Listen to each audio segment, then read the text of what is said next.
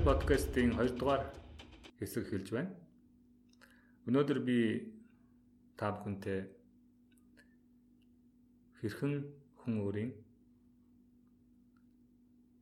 сэтгэл зүй, сэтгэлийн шарахыг ангаан эдгэх вэ гэдэг сэдвээр ярилцъя гэж бодлоо. Сая би саяхан одон зурхаан тооцоолол харсан Chiron Chiron гэж астероид буюу сүүлтод Chiron хоньны ордонд 2027 хүртэл Chiron гэж энэ астероид бол хоньны ордонд байрлах юм байна. Тэгэхээр энэ бол эртний грекийн домог зүйд Каран бол энэ Сатурны хүү болж төрсөн. Тэгээд эхээс төрхтөө бол дөрвөн одоо морин хөлтэй цэжинбийн одоо хүн аа тэгээд бол хөл нь бол ийм морин хөлтэй буюу центавр гэдэг тийм ээ. Ийм центавр төрсөн. Тэгээд бол аав ээж нь бол энэ Кайроныг бол орхицсан байдаг энэ хүнч биш антинч биш гэдэг. Тэгээд бол энэс үүдэлтэй нь Карон гэдэг бол оддон зурхаад хүний тэр сэтгэл амьдралын туршид тохиолдсон зовлон дотоод сэтгэлд хоримтлагдсан сэтгэлийн шарахыг бол илэрхийлдэг.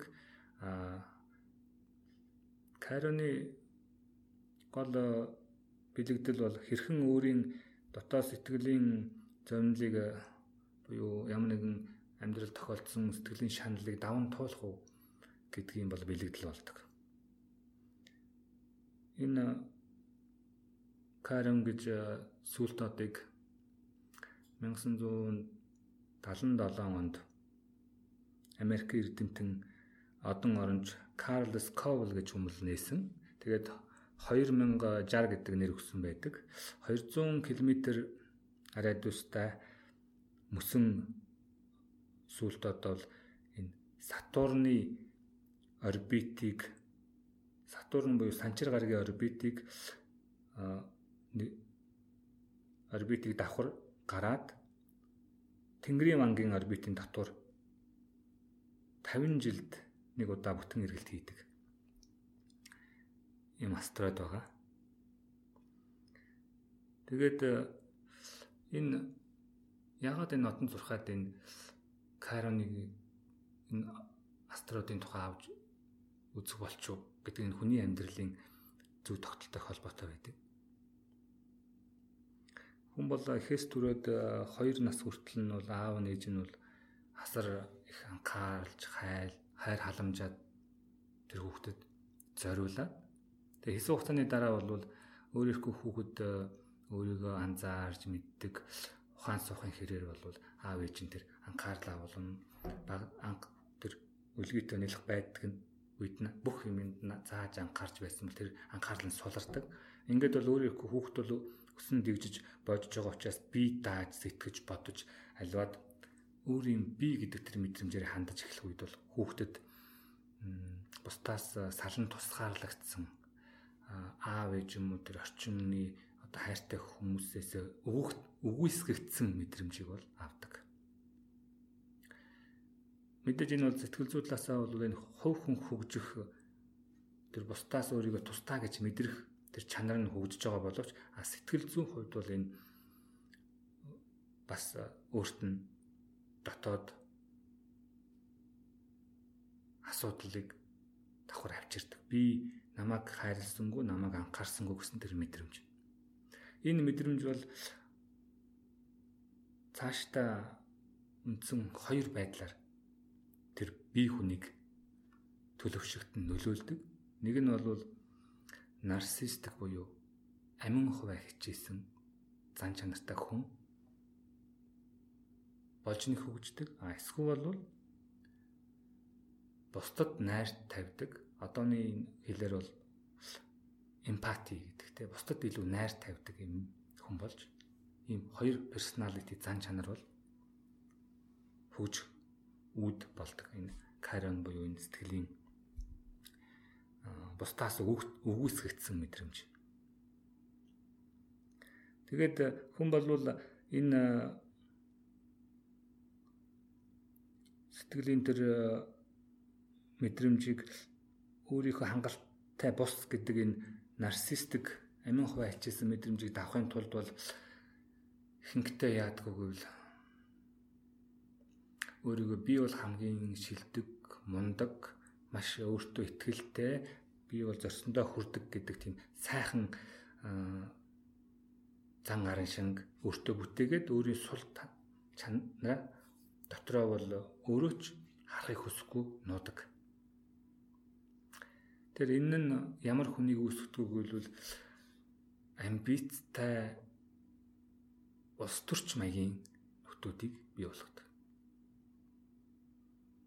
Өөрийгөө үргэлж бусдад хүлээн зөвшөөрүүлэх сэдлийн хүрээнд альваг хийдэг бусдад тоогдож оноо авах тийм амьдралын хэв маягийг нарциссик буюу амин хуваах хуваа ичигцэн чанар бол үүтгэж үүсгэж хэлдэг. А тэгвэл нөгөө тал нь нөгөө тэр эмпати буюу а бусдад найр тавьж бусдад тусалснаар бусдад сайхан хандснаар бусдад найр тавьснаар өөрийгөө мэдэрж өөрийнхөө тэр дутуу байгаа дундуур байгаа дүүрхийг хүсдэг эмпати төрлийн зан харин шин болохоор зэрэг? Яаж игээд нэг нарциссик хүнийг олж аваад хайрлах, тооглох тэр хүндээ ингэж ямар нэгэн байдлаар дутуу зүйлийг нөхөж үүж өөрийгөө бүтэн өөрийнхөө тэр сэтгэлийн мохорт байгаа өвдөлт шаналлаа тийм байдлаар эдгэж болох юм байна гэж үздэг. Ийм хоёр зан төлөв бол энэ кайрон буюу өөрийгөө өвөөсгөгдсөн гэж мэдэрсэн бага насны мэдрэмжээс ийм хоёр үндсэн авир харин хүнд хөгждөг. А тэгвэл энийг давн туулах арга бол агуулах болон гитлэх гэдэг юм зүй тогтол байдаг. Яагаад энэ агуулх болон гитлэх гэдэг зүйл тогтлын тухай би энд ярих болов гэвэл өөрийгөө дутуу байна. Хангалтгүй гэсэн тэр мэдрэмжээ мэдрэмж бол өөрөө. Тэр хүний хөгжлийн нэг төвшөнд бол тэрийг тэр төлөвөө өөртөө агуулад би гэдэг тэр мэдрэмжээ чухалчилж агуулад явчихаар зэрэг хүн бусдыг үл ойшоосон өөрөө л болж ивэл орчлон ертөнц ер нь юунд ч хамаагүй гэсэн юм. Амин хуваа хичээсэн мэдрэмж. Мэдрэмж альваг альваад ханддаг тэр нарцист болоод эхэлж байгаа.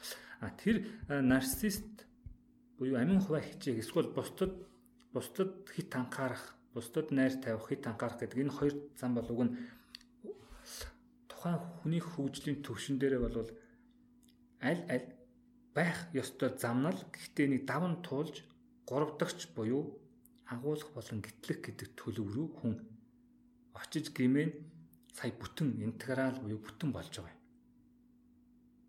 Зөвхөн өөрийгөө боддог сэтгэлийг хадгалаад явах юм бол чи хэдий эрх мэдэл, эд хөрөнгө юутай ч болсон байла сэтгэл чинь ханахгүй дотор байгаа мөс чинь хайлахгүй. Нөгөө тэр карем гэдэг сүлт од бол мөсөөр хучигдсан 200-аад км диаметртэй тийм астероид шүү дээ. 50 жил ингээд нэг тойргоо хийж идэг. Тэгэхээр тийм дотоод тэр хүний мөс буюу хүн сэтгэлийн тэр нэг чанар энэ зөвхөн хүүхэд насандаа аав ээжийн тэр гэр бүлийн дотор уур амьсгалаас болчихж байгаа юм биш. Энэ хувь хүн болж хөгжих явцад угаасаа энэ хуваа хичээх юм эсвэл эмпати бусдад хит анхаарал тавих гэдэг энэ хоёр туйлд сэтгэл бол угаасаа хүний хөгжлийн шатууд. Тэгэд энийг аль альнийг гитлэх үед агуулах буюу гитлэх гэдэг тэр гурав дахь төлөв үүсэж байгаа. Нэгдүгürt би амин хуваа бодох бодно. Гэхдээ зөвхөн амин хуваа бодоод амьдрах юм бол амьдрал дэндүү уйтгартай дэндүү гашуун. А тэгвэл зөвхөн бусдыг бодоод амьдрах юм бол бас л адилхан. Нэг туйлаас нөгөө туйл руу өсөрж байгаатай адилхан. А тэгэхээр агуулгах болон гитлэх гэдэг зүй тогтол ямар учиртайгээр би тэр би гэдэг энэ чанараа би мэдэрж байгаа энэ би төвтэй сэтгэл болвол байна. Гэхдээ энийг би даван туулж би гэж байхаас гадна бусад гэж байна гэдэг тэр дараагийн бусад гэдэг төлөвийг төлөв рүү очино. А бусад гэдэг төлөвийг бас мэдрэхдээ бас би гэдэг төлөв мартахгүй л гэсэн. Амин хуваа хичээх болон бусдын сайн сайхан тусын тулд гэдэг энэ хоёр сэтгэлийг хоёулангийн агуулад гурав дахь дээр нь гарах үед сая энэ сэтгэлд байгаа тэр бага насны сэтгэлийн шарах байна уу гомдол үүсгэл би хангалттай биш юм байна аав ээж гэдэг юм орчин тойрон ахан дүүс сургууль соёл ангийн найз ч гэдэг юм намайг анхаарддаг юм байна гэдэг тэр мэдрэмжийг сая даван туулах боломжтой болж байгаа. Тэгэхээр энэ энэ их сонин одон зурхаад энэ Карон гэдэг энэ сүлтод бол хоньны ордонд хөвчлэн байж идэг. А эсвэл бол бас жинлүүрийн ордонд бас нэг хэсэг байдаг бусад ордонд ордуудад бол хурдан хурдан гараа явчихдаг. Одоо байгаа нь болохоор зэрэг хоньны орд. Хоньны орд бол identity буюу би төвтэй би гэж би бич хэмбэ би одоо чухал гэсэн тийм цаад бэлэгдлийг энэ хоньны орд агуулдаг. 12 ордны одоо отхон орд шүү дээ. А жинлүүрийн орд болохоор зэрэг босод хүн босод хүн гэдэг хандлага илүүтэй ноёлдог. Та анзаараа жинлүүрийн ордны хүн бол илүү найрсаг хүмүүстэй их найз нөхөрлөл танилын хүрээ үүсгэх чадвартай тэр хүрээлэл тэр танилын хүрээгээр хөвчлэн амьдралынхаа тэр амь зуулгаа хийж явах тийм ур ухаантай хүн байдаг. Хоньны ордны хүн бол илүүтэй өөрийгөө төв болгоод нэг олон хүнтэй найз нөхлөхөөс илүүтэй өөрийгөө их цэмдэж анхаардаг ийм талын хүн байдаг. Тэгэхээр Кайрон буюу энэ сүлтод хоньны ордонд байх үед таны энэ амьдралд бага нас байна уу хүүхэд насанд суусан тэр сэтгэлийн өөрийгөө хангалтах гэж боддог тэр мэдрэмж өөрийгөө ямар нэгэн байдлаар таны хүндтгэдэг хүн таныг үүсгэж орхисон үед танд сэтгэлд үлдсэн тэр гомдол, харуулсал, гунгийг сэтгэлд байгаа тэр мэдрэмжийг эдгэх одоо амирлуулах ийм таатай уюуд явагдана. Нөгөө талаас ийм тэр урд олон жилийн өмнө сэтгэлд хоромтлогдсон тэр сэтгэлийн зомнил сэтгэлийн тэр мэс бол дахин амьдрал тань хөндлөлтөн гарч ирэх юм уюуд тохиолдно гэсэн утгатай байдаг. Тэгэхээр энийг хэрхэн даван туулах вэ гэвэл тухайн өнгөрсөн үед болж өнгөрсөн тэр сэтгэлийн шаналлыг байгаагаар нь хүлээн авах.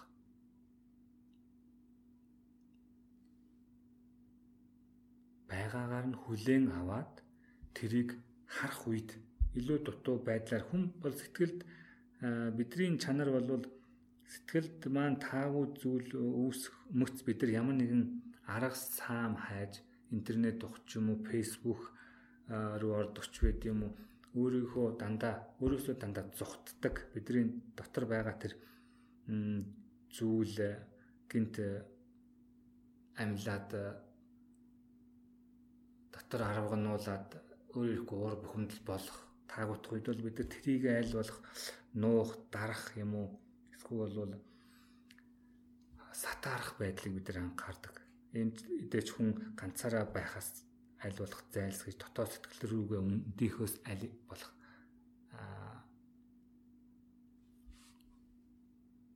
хол байхыг хичээдэг. Тэгэхээр энэ 2027 хүртэл бол Кайрон буюу энэ сүлт одоо хоньны ордонд буюу та хэн бэ гэдэг тэр би хэн бэ гэдэг энэ чанарын маань нэлээд сорих нэ гэсэн үг. Тэгээд энэ сорилтонд бол бидний сэтгэлийн мухартаа үлдээсэн хизээч онгойлгодгүй тэр харанхуй өрөөнд байгаа тэр айдас шаналлыг бол уу уу танд авчирж амьдрал дээр чинь чирж гаргаж ирэх ийм уу тохиолдох нэ. Тэрийг бол яаж давдаг вэ гэвэл агуулах болон гэтлэх гэдэг зарчмаар давдаг аа. А тэгвэл агуулах болон гэтлэх гэдэг зарчим бол а үгүйсгэлийн эсрэг зарчим байгаад байгаа. Хүлээн аваад гэхдээ тэрний чандад гарна гэсэн үг. Хүлээн аваад чандад гарна. Тэрнээс үгүйсхэнгээ үгүйсгээд хизээч хүн чандад нь гардаггүй. Тиймдээс гэр бүлийн хэрүүл маргаан байна уу, эхнэр нөхрийн үйл ойлголцол байна уу, асуудал байвал манай монголчууд яаж шийддэг вэ гэвэл хараад тахад ихэнх хүмүүс нь би шүүмжилж байгаа юм биш зүгээр амьдрал дээр бодтор харагдаж байгаа юм найз нөхдрийн хүрээнд ч гэсэн болохгүй бол эхнэрээсээ өмнө нөхрөөсөө салцдаг. Тэгээд салаад тэр асуудлаа шийдчихэж байна гэж ойлгочих жоо. Тэр бол тийм биш ээ. Та нүүр тулж тэр агуулах болон гитлэх гэдэг зарчмаар аливаа асуудлыг шийдвэл илүү үнэхээр жинхэнэ утгаараа шийдэл болж та бүтэн болно. Миний нэг хэсгэл дуншаад зовоод байна гэсэн үг шүү дээ асуудал гэдэг бол. Тэгэхээр тэр зүйлийг би таслаад огтлоо хайчлаа гэдэг тэр бол эдгэрэл биш. Эдгэрэл гэдэг бол өө би ингэж шархтдсан юм байна. Би ингэж шаналаад байгаа юм байна. Би ингэж үзэн ядаад байгаа юм байна. Би ингэж гомдоод байгаа юм байна гэдгээ ойлгоод хүлээн аваад сая энэ хүлээн авалтаас сая эдгэрэл эхэлдэг. Тэрнээс хэн нэгнийг буруутгах юм уу өөрийгөө гоочлсноор буюу өөрийгөө үүсгэснээр эдгэрэл бий болохгүй цаг хугацаа энэ сэтгэлийн шарахыг бол мартуулдаггүй маа. Хүний оюун санаа бол мартаж болдог болохоос таны энэ сэтгэл мэдрэмж бол аливаа тэр хүүхэд насны ч байна уу гомдол шаналлыг чинь бол мартуулахгүй. Тэгэхээр энийг байгаар нь хүлээн авах хас сая эдгэрэл гэдэг. Тийм учраас чинь кайрон гэдэг энэ а морин битээ хүн цэжтэй энэ одоо бит бол өөрөө юуны бэлэгдэл вэ гэвэл хүний өөрийн тэр амтналаг зүн дор хөсөл шунал тачаал тэр амтналаг чанарын маань инстинктийн маань бэлэгдэл байгаа. Тэгэд хүн бол илүү бурханлаг гэгээлэг хумсартай хөгжих тусам энэ өөрийнхөө амтналаг бол карион буюу тэр амтналаг чанараа даван туулах агуулах болон гитлэх хэрэгтэй гэдгийг л энэ дом үзүүд илэрхийлсэн тэр утга нь бол тэр Кайрон гэж тэр амтан байдаг. Гэхдээ энэ Кайрон буюу Центавр бол өөр их сонин грекийн дом үзүүд бол энэ бол өөрийгөө хөгжүүлсэн байдгаал байдаг. Тэр амтналаг чанараа даван туулж тэгээд тэр Центавр дотроо бол тийм их гэгэрсэн чанартай. Центавр гэж та энэ бидний энэ гараг иргэсийн хамгийн ойрхны одоо оддын бөгнөр бол энэ альфа центавр шүү дээ. Илүү их тод гэрэлтэй байдаг тийм. Тэр энэ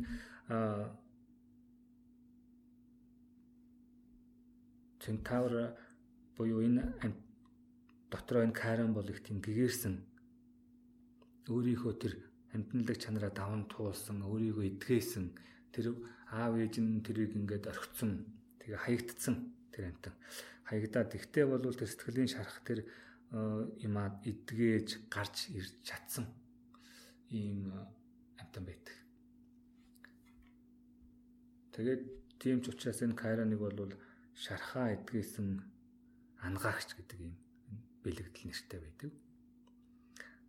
За тэгэхээр бол энэ сэтгэлийн альва нэгэн хүүхэд нас байна уу, эдэр насанд байна уу, өсвөр насанд байна уу, таны амьдрал тохиолдсон сэтгэлийн тийм дотор байгаа асуудлыг бол яаж эдгээдгүү гэвэл хүлээн авах болон хүлээн зөвшөөрөх тус эхэлдэг. А энэ энэ бол цаана тэр typing solution буюу цэгэн даралтаар сэтгэлийн зовнилыг суллах аргачлал дээр аргачлал маань өөрөө энэ хүний сэтгэл болоод сүнс цаашдаа бүр урд төрлийн тэр авж ирсэн тэр карма буюу амьдралын тэр үүлийн өрүүдийг суллах тэр хүчийг бол энэ цэгэн даралтаар сэтгэлийн мэдрэмжийг суллах арга гэдэг энэ арга дээр бол байдаг юм аа. Хүний бие болоо сэтгэл энерги болон энэ хумсрын төвшөнд олон төвшөнд хүрэх тэр суллах түлхүүрүүдийн нэг бол энэ typing solution гэж сэтгэл зүйн хүчтэй аргачлал байдаг. Энэ аргачлалыг бол typing solution болон бяцлаглалын онлайн сургалтын дээр бол 4 цаг 30 минутын детальчилсан энэ практик сургалтын дээр нэг үрчлэн энэ сургалтыг хийж өгсөн байгаа. Та хэрэг сонирхвол бас онлайн хэлбэрээр байж байгаа шүү. За тэгээд энэ мөчид та амьдралын чухал үнцэнтэй цагийнхаа бас их хугацааг энэ цаг гаргаж сонссонд баярлалаа. Дараагийн подкастаар уулзах хүртлээр түр баярлалаа.